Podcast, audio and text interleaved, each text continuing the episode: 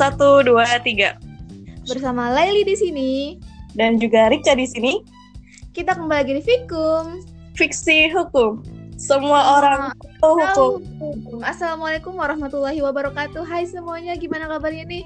Semoga kalian baik-baik saja ya. Tetap jaga kesehatan, jaga jarak, pakai masker, dan ikuti protokol kesehatan yang ada pastinya. Kalau Rika sendiri gimana kabarnya nih? Alhamdulillah, aku insya Allah baik. Misal, alhamdulillah. Oke, sebelum kita lanjut ke podcast kita pada hari ini, kami mau kami berdua mau mengucapkan selamat tahun baru Islam. Satu Muharram 1442 Hijriah. Semoga tahun baru ini kita menjadi pribadi yang lebih baik lagi ya. Dan Amin. podcast kita semakin maju tentunya. Amin. Oke, okay. Rika, uh, kamu apa sadar Rika atau para pendengar sadar nih kalau hari ini itu aku excited banget, tau nggak sih? Sadar nggak? Hmm, kenapa tuh kira-kira? Karena ha, pada hari ini kita akan membahas segmen yang udah lama banget kita nggak bahas yaitu segmen script suite, yeah. Wow ini udah lama banget kita nanti-nantikan akhirnya muncul kembali. Jadi karena itu mari kita kenalkan nih narasumber kita pada hari ini dan judul skripsinya tentang apa. Tapi sebelum itu mari kita dengarkan jeda iklan berikut ini. Oke, terima kasih sudah setia menunggu nih. Langsung aja kita akan kenakan narasumber dan judul skripsinya yang akan diperkenalkan oleh rekan cantik saya Rika Nurjana. Silakan Rika. Oke, Laili dan juga teman-teman semua, kali ini kita kembali lagi nih di segmen Script Suite yang sudah lama kita nanti-nantikan. Kali ini kita akan membahas skripsi dari teman kita nih, yang menurut aku sih judulnya menarik banget ya untuk dibahas uh, kali ini. Ya. Oke deh, langsung aja telah hadir bersama kita yaitu Muhammad Gresna. Ya kita sapa dulu ya. Hai. Halo, halo ya terima kasih. Pada kesempatan hari ini saya diberikan penjelasan kepada Mbak Laili sama Mbak Rika ya. Kami juga terima kasih sudah mau berhadir ya di Fiksi Hukum. Terima ya, kasih loh. Padahal. Padahal Grace ini orang yang sibuk banget loh dan aduh. Susah banget di lobby nih. Susah banget susah banget. Uh, ya di sini ya Mbak Rika sama Mbak Lili tadi anu apa menanyakan judulnya kan? Ya di sini saya ingin mengang di sini saya skripsi saya mengangkat judul tentang bagaimana penegakan hukum terhadap penjual knalpot bising di Kota Banjarmasin. Jadi uh, sebenarnya apa sih yang memotivasi Grisna itu untuk mengambil judul ini?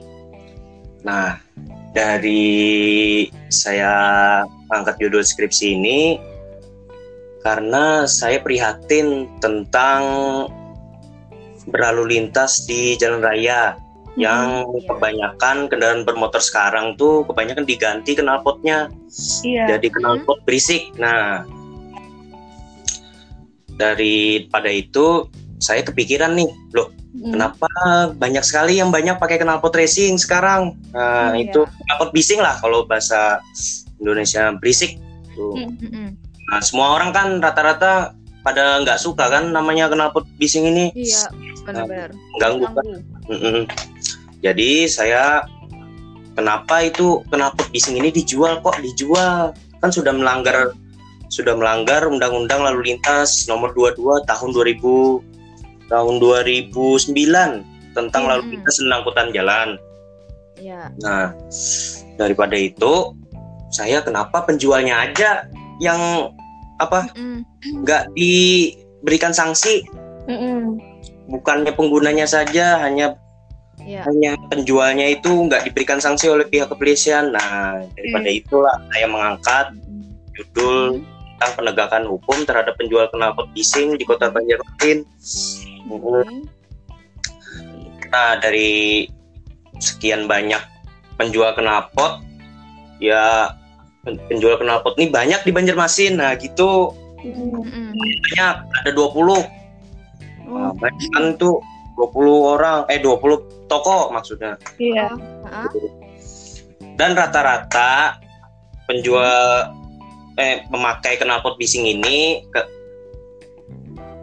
knalpotnya ini apa ya nggak nggak standar lah oleh pemerintah ini nah uh. standar yang dijual tuh nggak standar nah itu yeah. Yang dijual kepada anak-anak kebanyakan anak-anak SMA iya iya oh, orang orang yang hobi ya juga nah itu dan kebanyakan motor yang dijual ini eh, motor knalpot mak, sorry sorry maksudnya knalpot yang dijual ini motornya itu yang kayak seperti Beat hmm. seperti iya uh. motor metik nah gitu uh.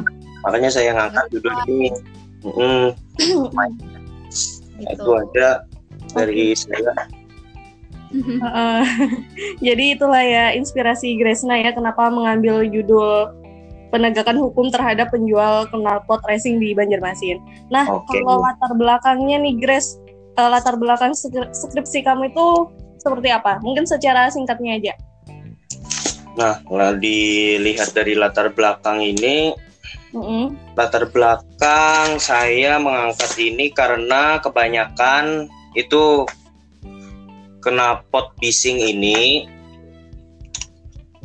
uh, apa ya tidak apa hmm, knalpot bising ini dijualnya kepada masyarakat tadi masyarakat yang pur ya masyarakat yang seperti anak SMA SMP tadi itu terus penjual knalpot itu kenapa penjual knalpot ini memasarkan atau menjual produknya kepada masyarakat? Seperti masyarakat masyarakat SMA anu nah apa? Anak-anak SMA itu terus motor-motor yang apa? Motor-motor yang gak layak lah kalau dipasang knalpot okay. gitu. Yang cc-nya rendah lah anggapan cc-nya yang 110 125 nah itu.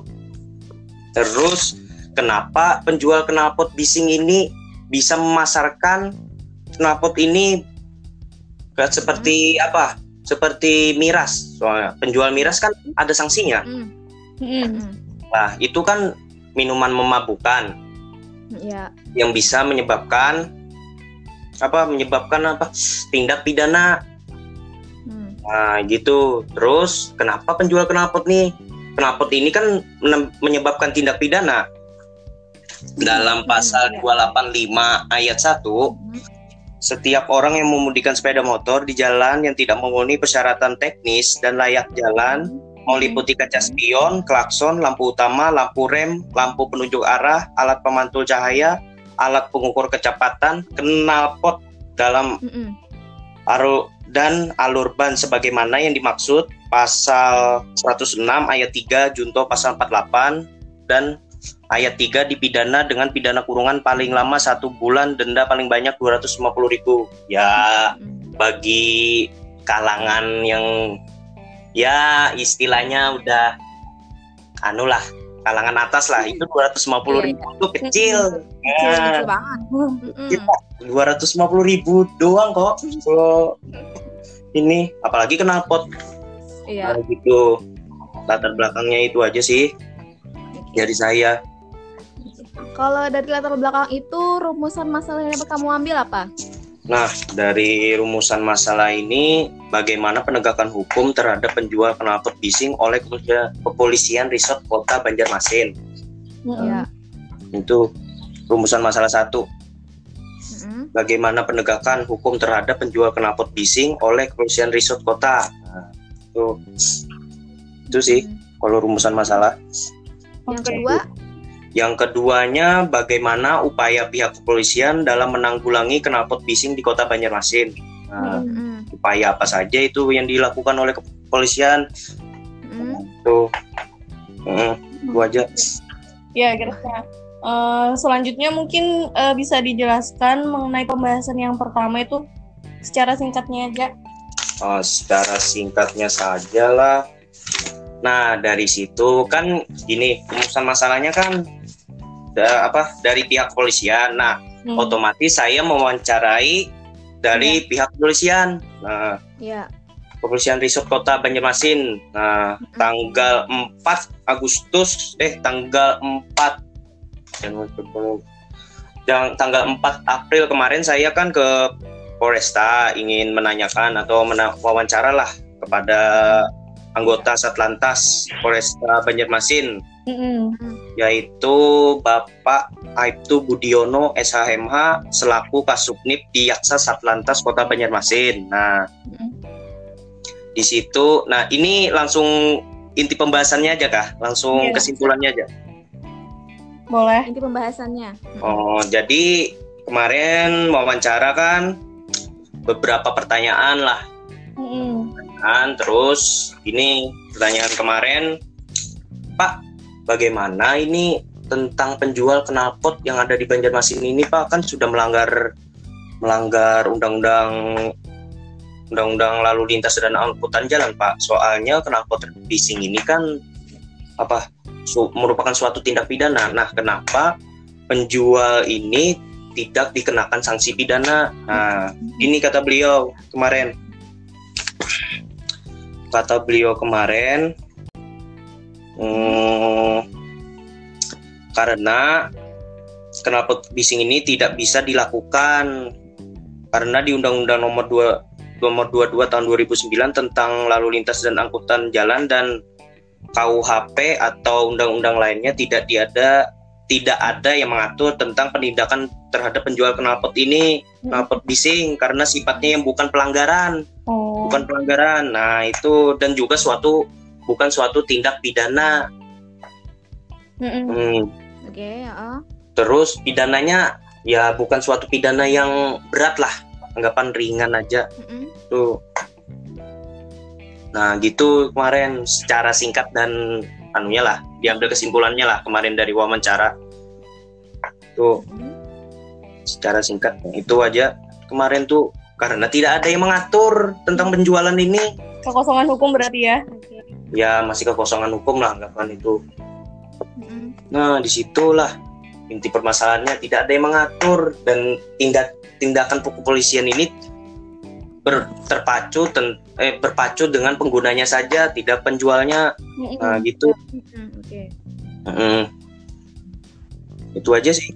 Kalau yang kedua, Nah, bagaimana upaya pihak kepolisian dalam menanggulangi knalpot bising? Nah, kemarin saya tanyakan juga kepada anggota Satlantas Polresta Banjarmasin. Ada dua di sini upaya upaya-upaya yang bisa dilakukan pihak kepolisian. Iya. Uh, uh, ada dua yaitu tindakan secara tindakan secara represif dan preventif. Uh, nih? secara preventif sendiri yang dilakukan oleh pihak kepolisian Polresta Banjarmasin yaitu tindakan dengan cara melakukan sosialisasi atau penyuluhan kepada masyarakat, sekolah dengan memberikan pengetahuan dan penyuluhan tentang Undang-Undang 2009 eh nomor 2000 nomor 22 tahun 2009 Mm-mm. lalu lintas dan angkutan jalan. Nah, itu tindakan preventif. Iya. Nah, ten- preventif ini sendiri yaitu langkah pencegahan. Langkah pencegahan aja ya itu tadi Mm-mm. melalui himbauan-himbauan, baliho itu Mm-mm. gue itu school ya ke sekolah-sekolah lah memberikan materi-materi gitu Mm-mm. Ya. serta penjelasan marka lalu lintas, penggunaan helm serta penegakan hukum serta pasal-pasal dalam undang-undang Mm. nomor 22 tahun 2009 tentang lalu lintas dan angkutan jalan. Nah, itu aja sih. Selain itu mungkin dari pihak kepolisian juga dari media sosial, baliho juga kawasan tertib lalu lintas itu dipasangi baliho-baliho tentang pasal-pasal yang dilanggar bisa mengakibatkan kecelakaan atau denda sekian gitu. Mm-mm. Hmm. Nah, itu aja sih kalau tindakan preventif itu ya pencegahan lah. Pencegahan aja. Oke. Ya, Bu. Kalau tindakan secara represif sendiri ini Nah, tindakan represif ini secara ya secara anu lah, secara tegas lah oleh pihak kepolisian yaitu melakukan sanksi tilang Iya. melanggar. Nah, terkhususnya itu ya knalpot bising tadi yang meresahkan tadi Mm-mm. yang marah lah anggapan. Nah, tindakan represif ini sendiri yaitu menekan, menahan atau menindas yang sifatnya itu menyembuhkan lah anggapan tuh supaya orang tuh jerak lah dengan apa yang dilakukannya itu tentang melanggar lalu lintas. Nah, ya sudah sih tindakan represif, represif itu sendiri dari pihak kepolisian Resort Kota Banjarmasin. Sesi wawancara kemarin sih kayak gitu aja sih. Ya ada dua aja. Hmm, ada dua aja. Nah udah gitu aja sih yang urusan masalah dua. Oke. Okay. Kurang lah. Siap. Itu. Uh, jadi sudah pembahasan masalah ini ya. Kenapa hanya penjualnya aja yang kamu bahas di skripsi kamu? Mm -hmm. Kalau uh, pengetahuan kalau dari aku sendiri ya, emang sih kayak kalau pemakai knalpot itu mengganggu banget kayak gitu lah. Aku, aku kira nah, ya. Gitu. Ini karena aku nggak tahu mungkin ya. Aku nggak tahu kalau sebenarnya sudah ada tindak pidana tindak pidananya untuk orang-orang yang memakai knalpot racing di kendaraan yeah. yang tidak sesuai seperti itu. Yeah. Mm -hmm. Oke, okay, sebelum itu mungkin bisa dijelaskan dulu nggak kenapa racing itu sebenarnya seperti apa sih? Kenapa racing racing ini Nah, dari kata knalpot itu sendiri, hmm, knalpot itu diartikan sebagai bentuk pipa panjang yang berfungsi untuk meredakan bunyi letupan tempat ya. tempat saluran buangan gas ya. Mm. di kendaraan bermotor peredam bunyi dari suatu kendaraan atau alat alat mesin lainnya. Hmm. Knalpot ini juga memiliki apa? Memiliki penyebutan lain yaitu muffler lah. Kalau bahasa istilah mekaniknya lah kalau di bengkel muffler. Gitu. Terus karena nah diartikan racing sendiri, nah racing ini saya lihat di mana KBBI lah Kamus Besar Bahasa Indonesia racing ini adalah balapan dalam Kamus Besar Indonesia yaitu balapan adu kecepatan lah iya. yang diselenggarakan biasanya oleh ajang kontes balapan drag race lah nggak hmm. itu atau kejurnas lah kejuaraan nasional balapan hmm. itu nah gitu jadi diartikan knalpot racing ini saluran pembuangan saluran pembuangan yaitu muffler racing sendiri dikatakan yaitu lomba adu kecepatan knalpot racing itu sendirilah anggapan. Oh. Nah, iya. Knalpot racing sendiri kalau diartikan di masyarakat awam kan anu apa knalpot variasi lah anggapan oh. knalpot yang standar standarnya terus diganti dengan knalpot yang lebih suaranya lebih besar daripada standarnya. Nah itu kalau masyarakat awam lah anunya. Secara simpelnya aja. Iya. Knalpot variasi dari toko yang udah tahu itu apa knalpot standarnya suaranya halus diganti dengan hmm. knalpot yang lebih besar. Tuh, tuh knalpot racing kalau secara simpelnya lah. Uh, Oke, okay. mm. Grace, nah aku suka heran nih ya, kenapa sih semua orang bukan semua sih, sebagian orang tuh suka banget pakai knalpot racing. Maksud aku kan uh, kenapa nggak pakai yang knalpot yang semestinya? Kenapa malah sengaja diganti dengan knalpot racing? Maksudnya nah. apa dengan mengganti knalpot racing itu bisa meningkatkan performa motor atau cuma untuk gaya-gayaan aja? Nih kalau Grace nih ya tahu juga kan, apakah pakai racing juga apa nih? pertanyaan bagus. ya, nah dari sekian banyak pertanyaan itu yang paling mantap dah pertanyaan. Nah, dari gimana ya dari saya sendiri ya saya pengguna juga so kenapa tracing ini? Nah gitu. Eh, penggunanya juga. Nah kenapa orang tuh mengganti knalpot racing dengan eh kenapa kan mengganti knalpot standar dengan knalpot racing nah banyak orang rata-rata saya wawancarai kenapa beli beliau ataupun orang itu mengganti knalpot racingnya karena mengikuti ajang modifikasi kendaraan. Nah, yang mengharuskan knalpot standarnya itu diganti dengan knalpot racing karena knalpot racing eh kena kenapa knalpot racing? Kenapa knalpot standar ini diganti dengan knalpot racing karena bentuknya bentuk dari knalpot racing ini apa ya beda sama knalpot standar lainnya. Lebih keren gitu ya? bentuknya ya? Iya, bentuknya lebih keren, lebih bagus.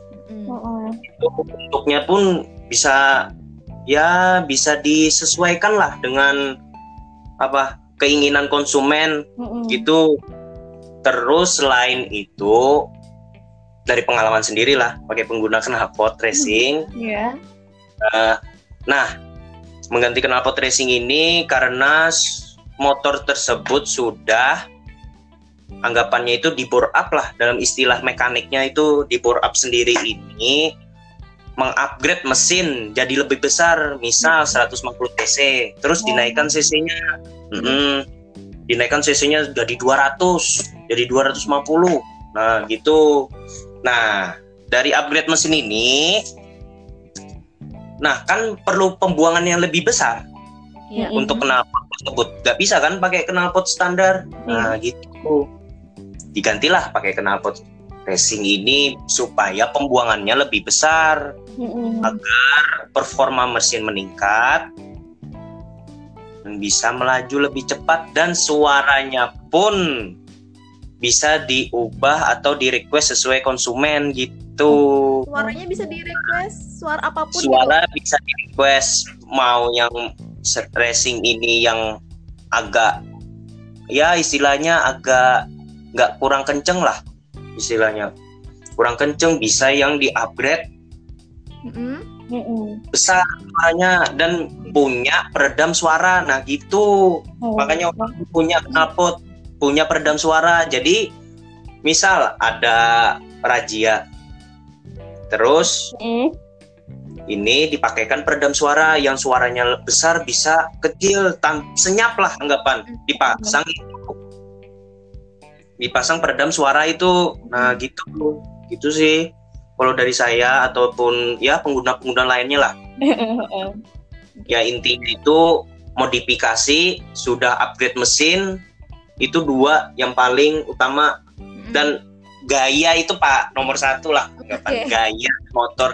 Lah toh kalau knalpot eh kalau motornya keren nah wah motor keren anu knalpotnya senyap lah nggak keren lah anggapan kayak Wih. gitu lah pede makanya gitu eh, eh. masalah keren-keren Iya. aja ya.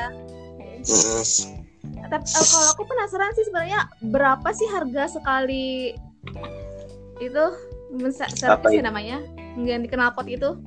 oh kalau oh harga knalpot itu sendiri kah Mm-mm. anggapan lah nah knalpot sendiri bervariasi. Nah itu ada knalpot yang dibuat oleh pabrik. Ada juga yang dibuat oleh pengrajin. Nah gitu. Oh, knalpot yang dibuat oleh pabrik itu sendiri mempunyai harga yang jauh rentan lah lebih mahal daripada pengrajin. Rata-rata knalpot ini menyesuaikan te- menyesuaikan lah sama kendaraannya gitu. Iya. Misal Matic, Mm-mm. Matic harganya ya Matic ini rata-rata kan cc-nya 110 atau 125 lah paling banter. Mm-mm. Rata-rata knalpotnya harganya kalau dari pabrik itu sekitar harganya 1.500. Oke. Heeh. Mm-mm. Kalau yang 150 cc atau motor sport lah anggapan itu bisa mencapai 1,9, 1,8 Mm-mm. Nah gitu. Itu buat yang di pabrik.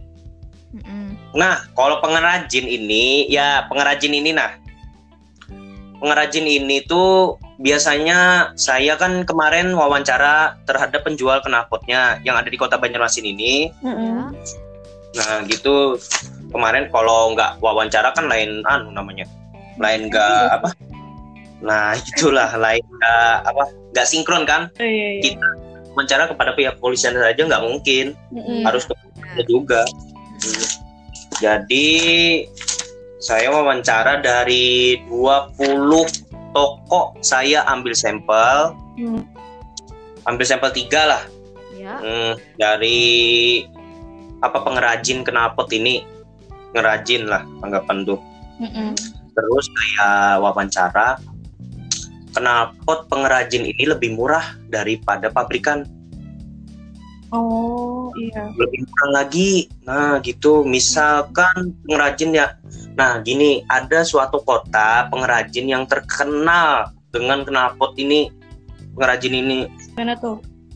Nah, kotanya itu kota Purbalingga. Nah, pengrajin knalpot racing paling besar di kota Bayan kota kota Banjarmasin. Kota eh di Indonesia yaitu yaitu di kota Purbalingga lah, kota knalpot racing. Nah, rata-rata di sana knalpot racing yang dijual. Nah, misal tadi Matic harganya satu juta kan ke atas.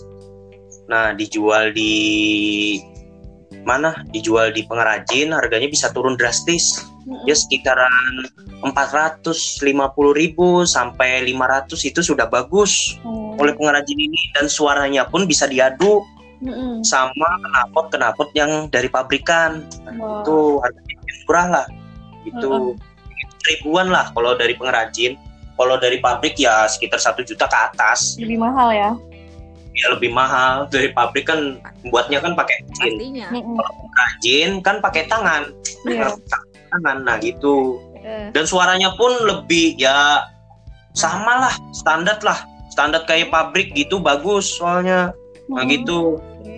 dan orang nah orang itu yang suka mengganti knalpot ini dan nggak jerah-jerahnya tuh nggak jerah-jerah lah pakai knalpot ini karena harganya ada yang murah yaitu dari dari pengrajin Iya.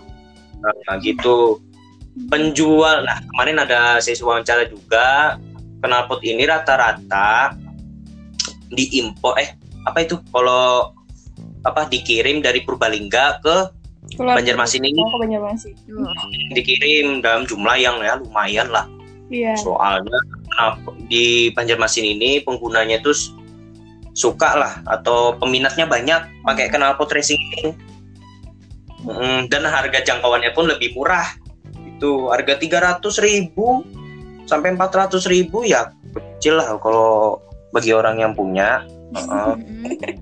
Iya. ya, Oke. oke. Itu aja sih kalau anu harga rentang-rentang dari pabrik satu juta dari dari pengrajin Iya. lima ratus ribu Oke. Oke, Oh. Mas. Eh, sebenarnya siapa aja sih yang bisa membeli knalpot racing ini? Kalau menurut eh, peraturan ya, apakah semua orang itu boleh membelinya atau gimana? nah Motor-motor tertentu gitu. Nah dari dari saya wawancara terhadap penjual ini ataupun dari pihak kepolisian saya tidak menanyakan bahwa yang menjual ini siapa-siapa aja yang boleh Mm-mm. yang pastinya dari penjual ini kebanyakan menjualnya kepada anak-anak SMA Oh. atau ya sekedar hobi lah anggapan tuh hobi itu menjualnya kepada modifikasi lah modifikasi orang-orang yang modif atau orang yang anu apa suka balapan itulah. Anggapan tuh suka balapan ini gini sudah apa drag race lah atau kejurnas lah. Iya. sudah terjun ikut lomba balapan atau ya ingin sekedar hobi lah atau upgrade mesin lah. Hmm. tidak ada batasan untuk menjual knalpot ini. Semua bisa di semua bisa bisa beli lah knalpot racing ini kalau ada uang lah. Iya. Waduh. Nah, eh, semua tidak ada batasan di fishing ini bebas gitu S- semua bisa beli semuanya bisa beli Semua Eh, bisa nah beli. gitu yang menyebabkan banyaknya maraknya knalpot Mm. racing ini di kota Banjarmasin gitu Nah, Masuk Krisna sendiri. Ya, jangan di pasti saya makin soalnya saya kan anu apa kena apa? Bukannya untuk gaya-gayaan lah eh, cuman knalpot racing ini motor saya kan sudah di upgrade lah. Istilahnya tuh naik cc lah naik cc jadi 150 ke 200 gitu. Dan motor saya ini motor tua lah perlu kan perlu motor tua nih pasti lambat dan perlu di upgrade lagi gitu. Hmm, Oke. di upgrade supaya lebih cepat Nah, supaya lebih cepat lah. Bukan untuk gaya-gayaan lah untuk apa? Untuk untuk gaya untuk ngeber-ngeber orang Pu- nah gitu. Lain itu. Itu yang nggak boleh ya. nah itu. Oh ya. boleh itu kalau ngeber-ngeber. Kebanyakan sih gitu nih sih kalau di- saya lihat banyak masnya Terus tadi kita kan uh, kayaknya fokus ke motor aja. Kalau mobil sendiri, apakah ada juga knalpotnya? Oh, kalau kebanyakan sih mau eh dari saya survei kemarin, kalau mobil ini kebanyakan bisa ganti knalpot, cuman jarang di kota Banjarmasin. Hanya sepantaran orang saja yang mengganti knalpot ini. Hmm. Soalnya knalpot membuat mobil ini biasanya untuk modifikasi atau buat ajang kontes modifikasi hmm. mobil nah gitu jadi sedikit dan knalpot mobil ini rata-rata harganya cukup hmm, ya nggak bisa lah orang orang awam atau orang anu beli soalnya knalpotnya yeah. ya lumayan mahal harganya di atas hmm. 4 5 sampai 7 gitu oh. Jadi aku nggak uh, bisa ah. beli nih. Aku kan nggak punya mobil. Waduh. kan kalau buat mau kan kalau mau mau beli sih harus ikut kontes biasanya mobil ini oh, uh -uh. kontes modifikasi gitu uh, kenal pot standarnya kan nggak menarik kurang menarik kalau di iya. kalau di apa apa kalau di apa itu namanya kalau di kontes kan kurang standarnya kurang menarik itu nah, itu aja sih. Kalau dari mobil? Uh, kalau ini Grace apa ya? Standar buat klaksonnya itu yang uh, yang sesuai sama peraturan itu yang seperti apa sih maksudnya kayak kadar kebisingannya itu harus berapa? Oh ada ada. Bagus bagus. Ini pertanyaan bagus. Uh, dari standar kebisingan knalpot ya? Yang anggapan tuh suara yang boleh dihasilkan ya itu ya, uh, yang dihasilkan oleh knalpot standar mm-hmm. uh, ya. kalau standar knalpot ini yang diperbolehkan menurut uh, jadi untuk suara kebisingan yang diper yang dilakukan eh, eh menurut undang-undang peraturan Menteri Lingkungan Hidup dan Kehutanan Republik Indonesia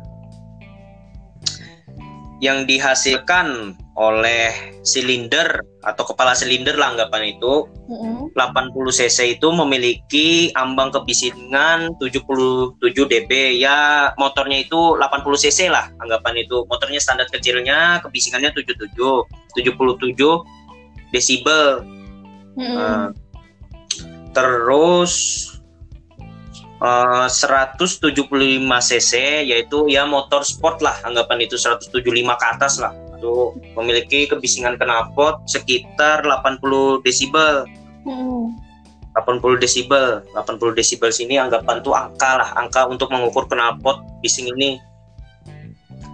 Terus kendaraan yang memiliki kapasitas yang lebih dari 175 cc. Nah 175 cc itu seperti ya motor-motor sport yang lebih sport lagi lah anggapan seperti Ninja, mm. di ya motor-motor moge lah anggapan itu memiliki 82 desibel. Nah itu yang distandarkan pemerintah. Oh iya. 83 paling paling kencang lah suara knalpot standar itu. Mm. 83. Hmm itu sih dari peraturan menterinya mm. ada dari sekian banyaknya itu itu aja sih okay. uh, jadi nah oke okay, masih lanjut menambahkan menambahkan mm. sendiri kategori menurut peraturan ini uh, kendaraan bermotor ini kategorinya bisa M, N dan L. Mm. Terus sa dari skripsi ini saya apa ini saya menjelaskan dulu lah kategori M.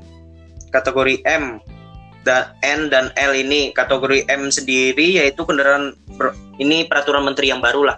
Okay. uh, kendaraan kategori M ini sendiri kendaraan bermotor rodanya 4 atau yang lebih digunakan untuk mengangkut orang uh, M ini kayak mobil gitu. Mm kayak mobil. Uh, peraturan menterinya sekarang kan berubah. Jadi kayak ada kategori-kategori gitu. Uh, nah kategori N sendiri yaitu kendaraan bermotor roda empat yang digunakan untuk angkut barang contoh seperti truk. Mm -mm. Eh, so, contoh seperti truk seperti apa pengangkut barang yang lainnya lah seperti apa? Lah yang besar-besar gitu ya? Yang besar-besar itu kategori N. Nah kalau L L sendiri yaitu roda dua itu nah kategorinya L. Menambahkan sedikit lah tentang penjelasan kategori peraturan pemerintah. Ini yang baru. Mm-mm. kategorinya. Ya itu aja sih. Gitu. Heeh. Ya, jadi ini kan permasalahan knalpot ya, permasalahan mesin dari kendaraan sendiri. Jujur meskipun aku eh, pengguna kendaraan bermotor, nggak terlalu tahu sih sebenarnya maksudnya permasalahan-permasalahan CC tadi, terus masalah knalpot bunyikan seperti itu kurang tahu. Dan Rika pun gue yakin tidak terlalu tahu Rika ya. enggak nah itu Tapi semoga yang pendengar ini bisa paham ya apa yang dimaksudkan oleh Grace-nya di sini dan eh, mungkin yang dapat kutangkapi juga eh, permasalahan di mata hukum saat ini itulah knalpot yang tidak sesuai dengan standar, bukan knalpot dengan suara yang keras, ya kan? Karena ada beberapa kendaraan juga yang memang knalpotnya yang keras juga kayak gitu kan? ya Hmm, seperti itu. Rika, apakah ada lagi Rika? Eh, ada sih ya sebenarnya Ya, masih ada mm, silakan. kalau ini Grace kalau kan seperti yang udah kamu sampaikan tadi kan ya bahwa ada ambang batas tuh ya kebisingan sepeda motor. Nah kalau dalam prakteknya di lapangan ini gimana? Apakah kepolisian itu mempunyai alat sendiri kah untuk mengukur Oh iya. mengukur apa? Nah, mantap Itu kalau misalnya mau hilang. ini yang ditunggu-tunggu mulai tadi pertanyaannya Ya. Dari survei di lapangan atau yang dilakukan oleh pihak kepolisian Resort Kota Banjarmasin ini melalui wawancara kemarin. Mm-mm. Nah, di sini kurangnya pihak kepolisian ini dalam dalam apa? Dalam menentukan suara bising atau tidak bisingnya knalpot tersebut. Iya. Soalnya wawancara kemarin pihak kepolisian tidak mempunyai alat tersebut. Nah, gitu yang dinamakan desibel meter. Oh, eh. Heeh, tidak mempunyai alat tersebut, kurang minim lah anggapan. Hanya hanya hanya di Jakarta aja yang itu gin. Eh, itu. Itu itu pun orang-orang eh, pihak kepolisian kepolisian tertentu lah yang punya atau di scoop biasanya. Itu di scoop tidak mempunyai alat tersebut karena ya kurang dananya kah atau yang lain-lain kan nggak tahu juga sih. Iya. gitu. Nah menjelaskan sedikit lah tentang apa alat pengukur ini. Alat ini suatu alat yang digunakan untuk mengukur kebisingan suara yang tidak dikendaki atau menyebabkan sakit telinga. Fungsi alat ini berfungsi mengukur kebisingan antara 30 sampai 130 desim, desibel dalam satuan dBA dari frekuensi 20 sampai 20 ribu Hz Mm-mm. Nah itu alat ya sedikit penjelasan tentang alat ini itu sih tidak ya pihak kepolisian di Resort Kota Banjarmasin tidak punya alat itu soalnya kurang Mm-mm. dari jadi pihak kepolisian ini menentukan atau menentuk ah menentukan atau mene- at- at- menilang knalpot bising ini melalui indera pendengaran saja. Nah, suaranya oh, dirasa dirasa polisi ini nyaring Mm-mm. itu dilanggar dan bentuk knalpot itu sendiri.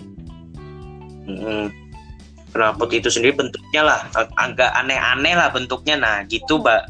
Itu harus dicurigai oleh pihak kepolisian. Biarpun suaranya itu sudah apa sudah dilengkapi peredam anggapan masih ah, masih bisa dikena tilang lah anggapan Mm-mm. kecuali knalpot tersebut ya emang sudah apa sudah mempunyai peredam suara gitu Mm-mm. peredam suaranya anggapan senyap seperti knalpot standar pada umumnya Oh, berarti agak gimana juga ya kalau misalnya ki- kita tiba tiba ditilang gitu tapi kan eh, misalnya kena pot kita ya emang udah standar tapi emang bunyinya nyaring tuh Mm -hmm. Itu polisi ini sifatnya desibel aja, eh fleksibel lah hmm. dalam menentukan knalpot ini. Ya dari oh. dari bentuk sama anunya aja sih, dari penderang indera pendengarannya saja.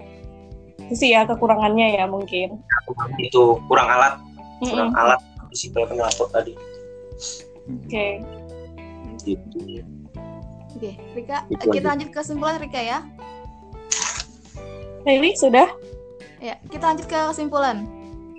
Oke, jadi kesimpulannya yang dapat diambil dari penjelasan rumusan masalah satu ini, bagaimana penegakan hukum terhadap penjual ini se, se, se apa se, se apa se, sekarang ini tidak bisa dilakukan oleh pihak kepolisian. Mm -hmm. Penjualnya tidak bisa dilakukan penegakan karena bukan suatu pelanggaran yang berat lah, masih ringan.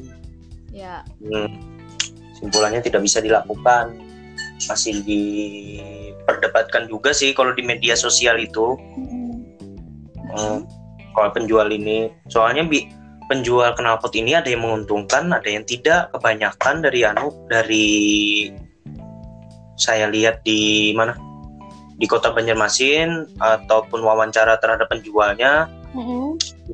ini tuh banyak soalnya sekarang panas-panasnya apa ajang modifikasi ajang modifikasi lomba lomba balapan motor hmm. yang diadakan oleh pemerintah biasanya ataupun ataupun pihak swasta lainnya hmm, okay. ya itu tadi sih kebanyakan untungnya lah dari itu dan berpaling lagi dari kurangnya penjual knalpot isi eh knalpot racing ini kenapa menjual knalpot isi ini kepada masyarakat masyarakat yang bu yang dipakai buat harian mm -mm. apa itu nggak dipakai buat apa mau di ajang modifikasi atau ya ajang balapan enggak. Kenapa dijualnya buat harian saja? Nah gitu sih.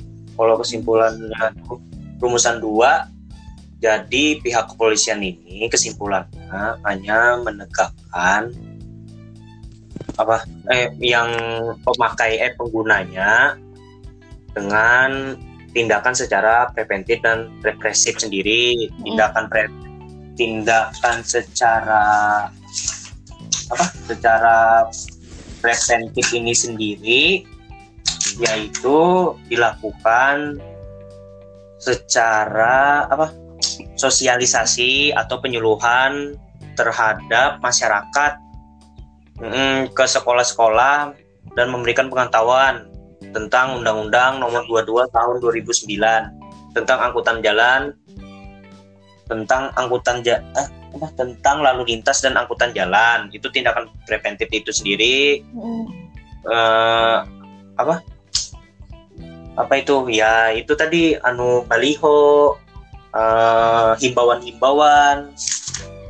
Mm-hmm. gitu pamflet keselamatan poster-poster yang ada di jalan raya gitu. Okay. dengan preventif itu pencegahan. Nah tindakan represif sendiri yaitu melakukan penilangan mm-hmm. secara singkatnya sih penilangan aja. Ya jarang-jarang sih anu apa uh, knalpot ini menjadi barang bukti. Kalau itu knalpot itu menjadi barang bukti ya knalpot itu sudah apa terlalu apa terlalu apa oh terlalu keras lah bunyinya. Itu dan dipakainya pada knalpot knalpot eh pada motor-motor yang apa tuh yang istilahnya itu ya motor-motor yang apa cc-nya rendah, dipasangi knalpot yang tidak sesuai mesinnya gitu. Uh, gitu aja sih. Kalau rumusan masalah dua, dah. Uh, langsung ke saran? Masuk ke saran. Hmm, saran saya ini, menurut saya ini tindakan pihak kepolisian ini dalam menanggulangi ataupun penjual knalpot ini diberikan apa suatu apa ya? Ya suatu apa?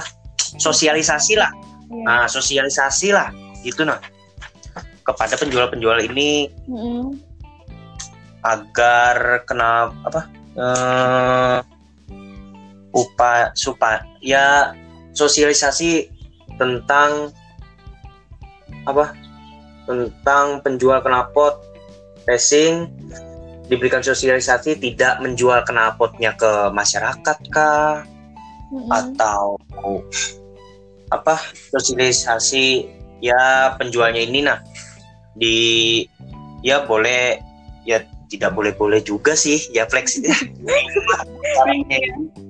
kalau dijual salah menju iya. tidak dijual salah gitu ya saran saya ya melihat ya sosialisasi kepada penjual-penjual knalpot yang diperbolehkan mm-hmm. ya motor yang moge lah anggapan 250 cc lah itu yang buat ajang balapan atau modifikasi kah mm-hmm. itu ajang-ajang kontes motor gitu yang dijual-jualnya hmm, itu sih kalau dari saran rumusan masalah dua ini ya setidaknya pihak pemerintah ataupun ya siapalah gitulah memberikan alat nah kurangnya di sini alat hmm. alat di motor ini pengukur suara knalpot ini yang kurang okay. hmm. desibel knalpot ya nggak kebanyakan sih malah di Banjarmasin ini saat lantasnya tidak mempunyai alat tersebut. Mm-mm. Itu sih kalau kesimpulannya dari semua. Uh, eh saran lah. Sarannya. Okay. Itu aja sih. Oke, okay, siap. Uh, sudah selesai kita ya episode pada hari ini. Oke, Rika, masih dibahas lagi Rika? Uh, cukup ya. Krisna juga apakah ada yang mau sampaikan lagi nih? Tidak ada sih, cuman itu doang. Oke, siap-siap. Oh. Berarti ini kita tutup dulu episodenya ya. Oke, buat para teman-teman ya di rumah, terima kasih banyak sudah mendengarkan podcast kami pada hari ini dan mohon maaf sebesar-besarnya apabila selama kami berpodcast ada salah kata. Juga aku Narika mengucapkan terima kasih banyak nih buat Grace-nya ya. yang hadir di podcast. Oh, siap siap siap. Semoga tidak dira ya. Nah, tidaklah. Memberikan pengetahuan juga kepada orang gitu. Iya, Tentang mengganti knalpot racing ini sebenarnya tidak boleh. Mm -hmm. Itu sih. Tidak boleh yang mengganggu, yang membuat ya gitu ganti knalpot racing ini ganggu bisa buat orang marah lah anggapan sih. Iya, benar sekali. Oke, okay. Buat jadi buat kalian yang pengen juga kayak Krisna jadi narasumber di Script Suite ataupun di Hotpot ataupun di Corok, di Curol, hubungin aja Leli dan Rika. Ingat, skripsi jangan hanya disimpan dan dibukukan, tapi sebarkan agar bermanfaat. Sampai jumpa di episode-episode lainnya tetap di Fikum. Fiksi hukum, semua orang tahu hukum. Bye bye. bye, Di balik podcast ini ribet banget ini peraturan menteri ini. Susah nyambatnya sumpah. Ini bentar lah bentar iya iya. So, kalau kayak gini bang suaraku ganal ke halus? Kamu tuh ganal harus ke ai? Bujuran ini aku jarak jauh. Bujuran aku bayan aku. Kalau kayak ini bang. Mau oh, tambah nyaring cemprengnya kayak kedengaran juga cemprengnya akhirnya. Akhirnya eh, bisa juga.